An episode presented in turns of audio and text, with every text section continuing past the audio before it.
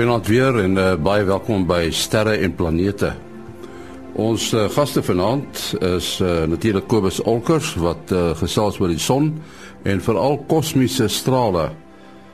Dan is daar 'n uh, gesprek met Ouke Slotegraaf, 'n uh, amateursterrekundige daar van die Kaap en hy gaan praat oor diepruimverkenning. Maar voor al hierdie dinge eers ruimte nuus wat vir ons geskryf word deur Herman Torin daar in Bloemfontein. 'n NASA-satelliet wat aan die elliptiese baan om Mars wentel, moes die week ontwykingsmanoeuvres uitvoer om te keer dat dit teen een van Mars se maane Phobos bots. Die satelliet Maven se baan wissel tussen 150 km tot 6000 km bo die oppervlak van Mars. Wanneer dit nader aan Mars kom, skep dit 'n bietjie atmosfeer en stof om te ontleed. Phobos, die grootste van Mars se twee maane, is in 'n sirkelvormige baan om die rooi planeet en op 'n hoogte van 6000 km. Dit beteken dat die twee liggame in beginsel in mekaar kan vasvlieg. Op Dinsdag 6 Maart sou die maatjie en die satelliet mekaar na raming met net 7 sekondes mis. Om seker te maak dat die twee nie bots nie, is Maven se vierpyle aangeskakel om dit effentjies te versnel sodat die twee mekaar met 2,5 minute sou mis. Dit neem 13 minute vir die sein met die boodskap om te versnel om van die aarde tot by Mars te kom. Die Hera radioteleskoop wat op dieselfde terrein as die SKA opgerig word, het 'n skenking van 8,5 miljoen dollar van die Gordon en Betty Moore Stichting ontvang. Dit stel die oprigters in staat om die aantal skottelantennas van 240 tot 350 uit te brei. Hierra se skottels lyk heeltemal anders as die skottels van die naasliggende Meerkat projek. Hierra is geoormerk om die ruimte te verken uit 'n tydperk 400 miljoen jaar na die oerknal. Tot sover dan 'n ruimtenis. Daar sê ons het uh, soos gewoonlik weer vir Kobus Olkers daar in Florida, Amerika by ons om te gesels oor die son. Interessante nuus nee Kobus, uh die feit dat kosmiese strale toegeneem het. Hoekom is dit? Die kosmiese strale is nou eintlik mos maar net geleide partikels wat deur uit die buitenste ruimte uitkom en 'n massiewe klomp energie dra. En hulle neem toe wanneer die magneetveld om die aarde flouer raak en ook wanneer die son se magneetveld 'n bietjie flouer raak. Nou hoekom is dit? Uh nommer 1 ons weet mos nou al dat die son se magneetveld besig is om te vervlou as gevolg van die die 11 jaar minimum waar ons nou besig is om in te beweeg. Net soos vir die aarde uh met sy magneetveld, uh, luisteraars sal onthou dat ons altyd praat van die magnetosfeer rondom die aarde. Net so het die son ook 'n 'n magnetosfeer.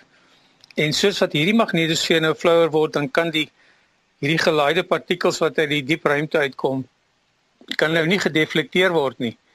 Uh hulle kom dan sommer reg deur en die kosmiese straalvlak het 'n bietjie uh toegeneem. Nou nie, niemand hoef bang te wees nie. Uh die son het maar die rolweg 11. ietsie jaar uh, siklus en dit gaan weer toeneem met die volgende son uh wanneer die son volgende son maksimum inkom. Natuurlik as mense 'n sogenaamde ruimtewandeling onderneem by die uh, ruimtestasie, dan ehm um, dis in die internasionale ruimtestasie dan is kosmiese strale nie so lekker nie nê nee.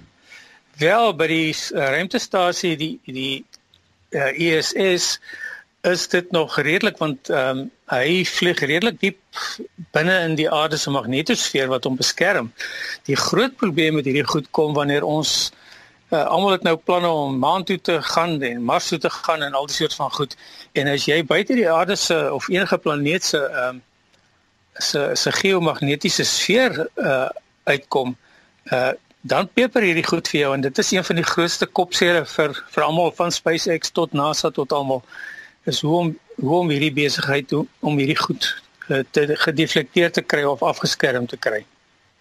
So so die aarde se atmosfeer en die magneetveld die dien ook as 'n soort filter. Absoluut, absoluut.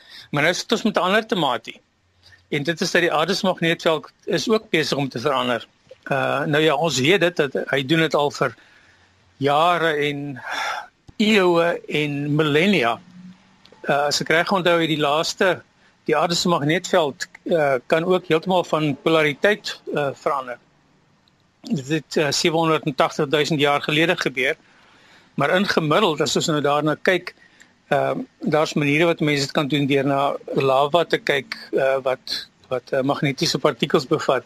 Dan kan hy vir jou wys uh, presies in watter koers die aarde se magnetveld gewys is soveel en soveel duisende of uh, honderdduisende jaar gelede.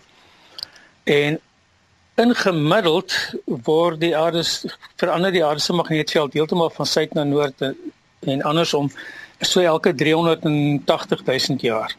So ons is eintlik nou al by een hele ene verby. Ons ons trek al diep in die 700 000 jaar gelede. Dit word dit word uh, veroorsaak deur veranderinge in die vloei van van van um, magma. Dit is basies gesmelte metaal en dis so 3000 km onder ons voete. Hy vloei so al om die om die kern van die aarde kan 'n mens nou maar sê. En omdat hy 'n geleier is en hy beweeg, maak dit uh onmiddellik vir ons sin dat hy 'n magneetveld sal opwek en dis presies waar die aarde se magneetveld vandaan kom. Die aard van die stelsel is so dat hy dat hy osilleer, soos wat 'n mens nou as jy jou kar se skokbrekers in in hulle myn is en jy gaan oor 'n oor 'n duik en jy het nie die skokbreker wat die wat die veer kan stop nie, dan sien jy sien jou elke keer as jy oor 'n gat in die pad ry dan dan bewe jou wiele so op en af, dis die osillasie. Ja, mense sê selfe tipe osillasie kry kry jy natuurlik nou binne in in enige enige fisiese ding. Uh die aarde se mag die aarde se gesmelte kern is, is ag nie gesmelte kern nie die gedeelte bo kan die kern is vloeibaar en hy kan hy kan oscillasies optel. Dis baie dis baie stadig soos ons nou agtergekom het dit sy uh oscillasie tydperk is is uh 350 000 jaar so dis 'n baie baie baie lae frekwensie maar maar jy kry dit en wat nou aan die gebeur is is uh daar's 'n baie oulike stel van satelliete wat die Europese uh, ruimteagentskap gelanseer het. Uh, dis drie van hulle en hulle noem swarm. Dis die uh uh swarm uh, soos 'n baie swarm nou in in Engels is. En tussen hulle en die Oostheid satelliet en ek dink daar's nog een uit die Champ satelliete het hulle nou baie detail gedetailleerde metings gemaak van die aarde se magneetveld en die en die metings is so skerp dat hulle selfs die die ehm um, die beweging 3000 km onder ons voete kan bereken. En het hulle gesien dat sedert 2013 het ons sover 3.5% verswakking gekry oor Noord-Amerika van die veld. In Asië het dit so 2% groter geword en ongelukkig die Atlantiese anomalie wat wat vir ons baie uh, belangrik is in Suid-Afrika het hy verder verswak met nog 2%. En dit is maar die beginfases van die van die pole wat begin uh versprei net soos op die son wanneer die son elke 11 jaar sy sy magneetpole omdop is doen die aarde dit ook nou en ons kry 'n verswakking in die veld. Uh dis die kosmiese strale gaan op in daai plekke waar hy verswak het en as daar nou reënwolke byvoorbeeld is dan is dit baie goed. Uh hulle kan reënwolke maak reën, maar in die algemeen is is enige ekstra ekstra bestraling is maar nie te goed vir 'n mens nie. Uh, maar nou ja, 10% is 'n baie klein hoeveelheid. Uh, 'n Mens kan kosmiese strale meet, né? Nee. Om die waarheid te sê, daar's 'n ander baie interessante uh, oefening aan die gang. Uh hy hy is dek omtrent die hele aarde se oppervlakte. Dis 'n klomp ballonne. Die mense van uh spaceweather.com, uh ek dink is Dr. Tony Phillips het so 'n netwerk opgesit wat die een stel ballonne is in Swede en die ander is in die FSA en die ander is ander een is in Chili. En hulle meet nou die totale uh kosmiese strale bo heel bo in die ruimte. Mense wil dit natuurlik daar sien want die aarde se atmosfeer verswak dit en jy kan dit nie baie goed meet nie. Dis hoekom ek sê dis nie vir ons eintlik groot van 'n probleem vir ons mense hier op aarde nie. Ons het nog 'n hele atmosfeer om ons te beskerm maar hulle kan baie interessante goed daar daar sien. Hulle kan byvoorbeeld hierdie hierdie ballonne van hulle gaan oor die 100 000 voet op. En dit is omtrent wat 30 km of so iets. 35 km. En hulle sien dinge soos hulle kan auroras bedags afneem omdat hulle so hoog is. Hulle is in die pikswart donker ruimte daarbo. So hulle kan fotos neem daarvan. Hulle kan kosmiese straalvlakke meet en so aan. En met die aarde wat so beweeg, kan ons dan die hele aarde se oppervlakte dek. Dit was dan uh, Kobus Olkers met wie ons gesels het. Volgende aan die beurt Ouke Slotegraaf, 'n amateursterrekundige daar van die Wes-Kaap. En ons gaan 'n bietjie met hom gesels oor diepruimverkenning. Ouke, wat is die diepruim? Hierdie diepruim is basies als in die heelal wat buite ons sonnestelsel is. So dit is um, die sterre in ons Melkweg, die die nevels en die ander mooi sterrebondels in ons Melkweg en natuurlik die ander galaksies buite ons Melkweg. Verduidelik net wat is die Melkweg? Dis 'n mooi uh, eintlik 'n verwarrende woord want aan die een kant is die Melkweg daai pragtige melkerige wit strook wat 'n mens kan sien in saans as dit mooi donker buite is. Ehm um, so dit is die Melkweg, maar aan die ander kant Melkweg miskien met 'n hoofletter geskryf, dis ons galaksie, 'n staafspiraal galaksie of 'n galaxy in Engels waarvan daar weet biljoene in die heelal is. En as jy mens nou die diep ruim in ons galaksie bestudeer, uh hoe ver kan 'n mens waarneem met uh amateur teleskope? Goeie vraag. Ek is nie heeltemal seker nie, maar met die blote oog byvoorbeeld sal 'n mens die Andromeda galaksie kan sien Messier 31 en hy is oor die 2 miljoen ligjaar weg. So net die blote oog al weet skop jy al 'n hele ent in die ruimte in en dan weet selfs die kleinste teleskopies sal sal quasars sigbaar maak. Goed, nou jy sien nou net eh, 'n uh, kolletjie lig. Maar quasars is van die verste voorwerpe um, in die heelal wat ons kan sien. So jong, ek weet nie, ons sal 'n goeie presentasie van die van die heelal kan dek met 'n klein teleskoop of 'n verkyker. Natuurlik ja, verkykers is fantasties want jy weet jy gebruik beide jou oë, dis hulle hulle is nie so swaar nie, hulle is baie bekostigbaar en jy kan die fantastiese goed sien veral soos ons nou gesê het van die Melkweg. Jy weet daai die visuele Melkweg wat jy sien op die aan in die aand die Melkweg vertoon op sy beste deur 'n paar verkykers weet 'n teleskoop is te kragtig jy jy kan jy kan dan nie eintlik ons Melkweg waardeer nie. As 'n mens 'n verkyker gebruik watter uh watter grootte? Is dit 'n uh, 'n 10 by 40 of 'n 10 by 50 Ja, soos jy nou sê daai die die die nommers wat die wat die verkyker beskryf, ehm um, soos jy nou maar jy het gesê 10 by 40, so die 10 beteken die ding vergroot 10 maal en die 40 is in millimeter is die deursnee van die lens voor en omdat 'n teleskoop of 'n verkyker se lens basies maar soos 'n bek is, so groter die bek is, hoe meer lig kan hy inneem. So 'n 10 by 40 verkyker gaan vir jou dowwer voorwerpe wys as jy nou maar 'n 10 by 20 verkyker. Ehm um, maar spesifiek nou jou vraag oor wat is die beste een om te gebruik? Dis seker maar soos met teleskope, jy weet dis die een wat die maklikste is om te hanteer. Dit help nie, jy weet ek sit daar by die huis met 'n 16 duim teleskoop, maar hy staan die hele tyd in die in die garage want hy's te swaar om te gebruik nie. So watter watter verkyker ook al 'n mens kan bekostig en kan ehm um, tyd kry om te gebruik, ehm um, is die een wat wen. Jy weet as 'n verkyker te groot is, dan raak dit vreeslik lomp, dit raak swaar. Jy kan die ding nie mooi lekker vashou nie. Ehm um, dit is dit is problematies. Daar is oplossings daarvoor. Ehm um, I mean hier in Stilbaai is Dion Begeman, hy maak 'n staaner vir 'n verkyker wat sommer met 'n ingeboude driepoot kom. So jy jy bou die verkyker aan die staaner vas. Hy het 'n mooi teengewig en net waar jy die verkyker in die lug hou en jy hom los net daar hang en jy kan pragtig mooi kyk. So daar is oplossings vir groot verkykers wat ek nou bedoel iets soos 'n 80 mm of 100 mm. Uh, maar kleiner is maar gewoonlik die, die maklikste om gou-gou te, te gebruik. Die die bruin wat ons net oor gepraat het. Ehm um, is dit interessant om na sterre te kyk want 'n ster is eintlik maar 'n ligpunt nê nee? of moet jy mens eerder na groepe sterre kyk? Ja, jy is reg gester ster vertoon presies presies maar as 'n as 'n as 'n ligpunt. Ehm um, daar is natuurlik ouens wat wat die helderheid van sterre probeer skat. Hulle vergelyk sê nou maar 'n veranderlike ster met twee bekende sterre in die veld en dan kan hulle die onbekende ster se helderheid bepaal en dis baie belangrik vir mense wat sien nou maar novas bestudeer of ander vorms van veranderlike sterre. Maar ons diepruim ouens ons is gewoonlik 'n bietjie meer gulsig. Ons geniet dit eerder om na sterrebondels te kyk um, of sterswerms te kyk.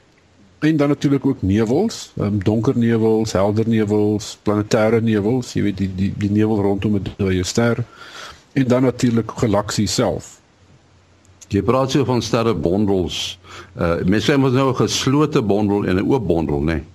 Ek is nie seker nie. Ek ken dit as 'n sferiese sterrehoop vir 'n globular cluster in Engels. En wat uh, sou Omega Centauri wees? Dit is eintlik 'n strukvraag. Omega Centauri is gewoonlik gesien as 'n as 'n globular cluster of 'n sferiese sterrebondel. Ehm um, maar eintlik uh, onlangs 'n navorsing het gewys dit is die kern van 'n dwerggalaksie. So dis nie net 'n sterbondel nie, dit was oorspronklik die middelpunt van 'n hele ander galaksie. Dit is ook 'n mooi voorwerp om na te kyk met 'n selfs met die blote oog, nee.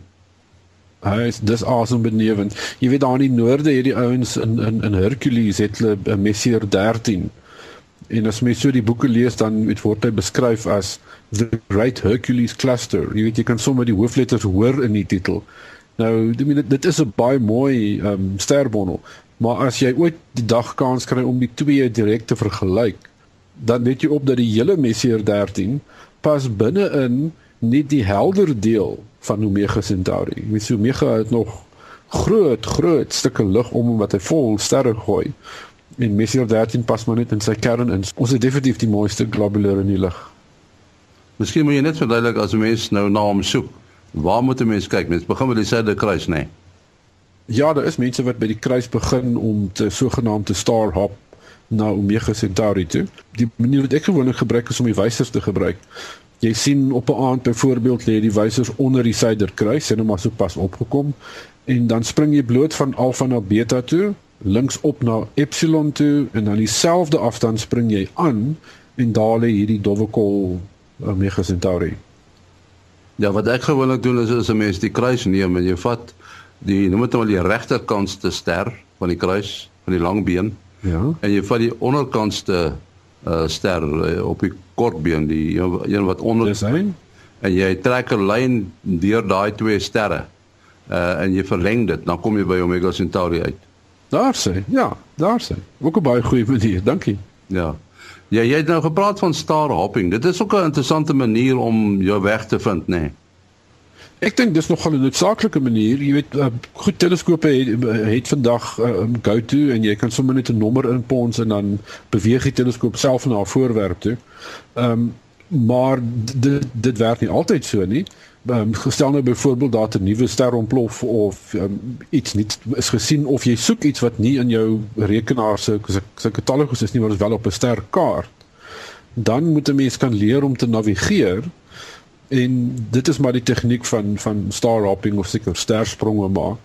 En dis dis bloot net jy jy bestudeer jou sterkaart en jy begin by 'n plek wat jy kan herken, sien nou maar 'n helder ster en dan kyk jy op jou kaart waar lê die nevel wat jy soek. En dan soek jy kolletjies, so sterretjies soos connect the dots amper tussen die punt waar jy begin en waar jy wil wees. En dan volg jy net daai patroon in jou oogstuk. So jy vind die, die beginster in jou oogstuk um, orienteer jou kaart reg en dan skuif jy die oogstuk so bietjie aan met stamp die teleskoop so bietjie of trek hom so bietjie tot jy die volgende stelletjie kry en dan hop en spring jy en dan woep is jy op jou voorwerp. Ja, dit klink so maklik. Ons uh, sê baie dankie aan Ouko Strotegraaf wat 'n uh, bietjie oor die diep ruim gesels het.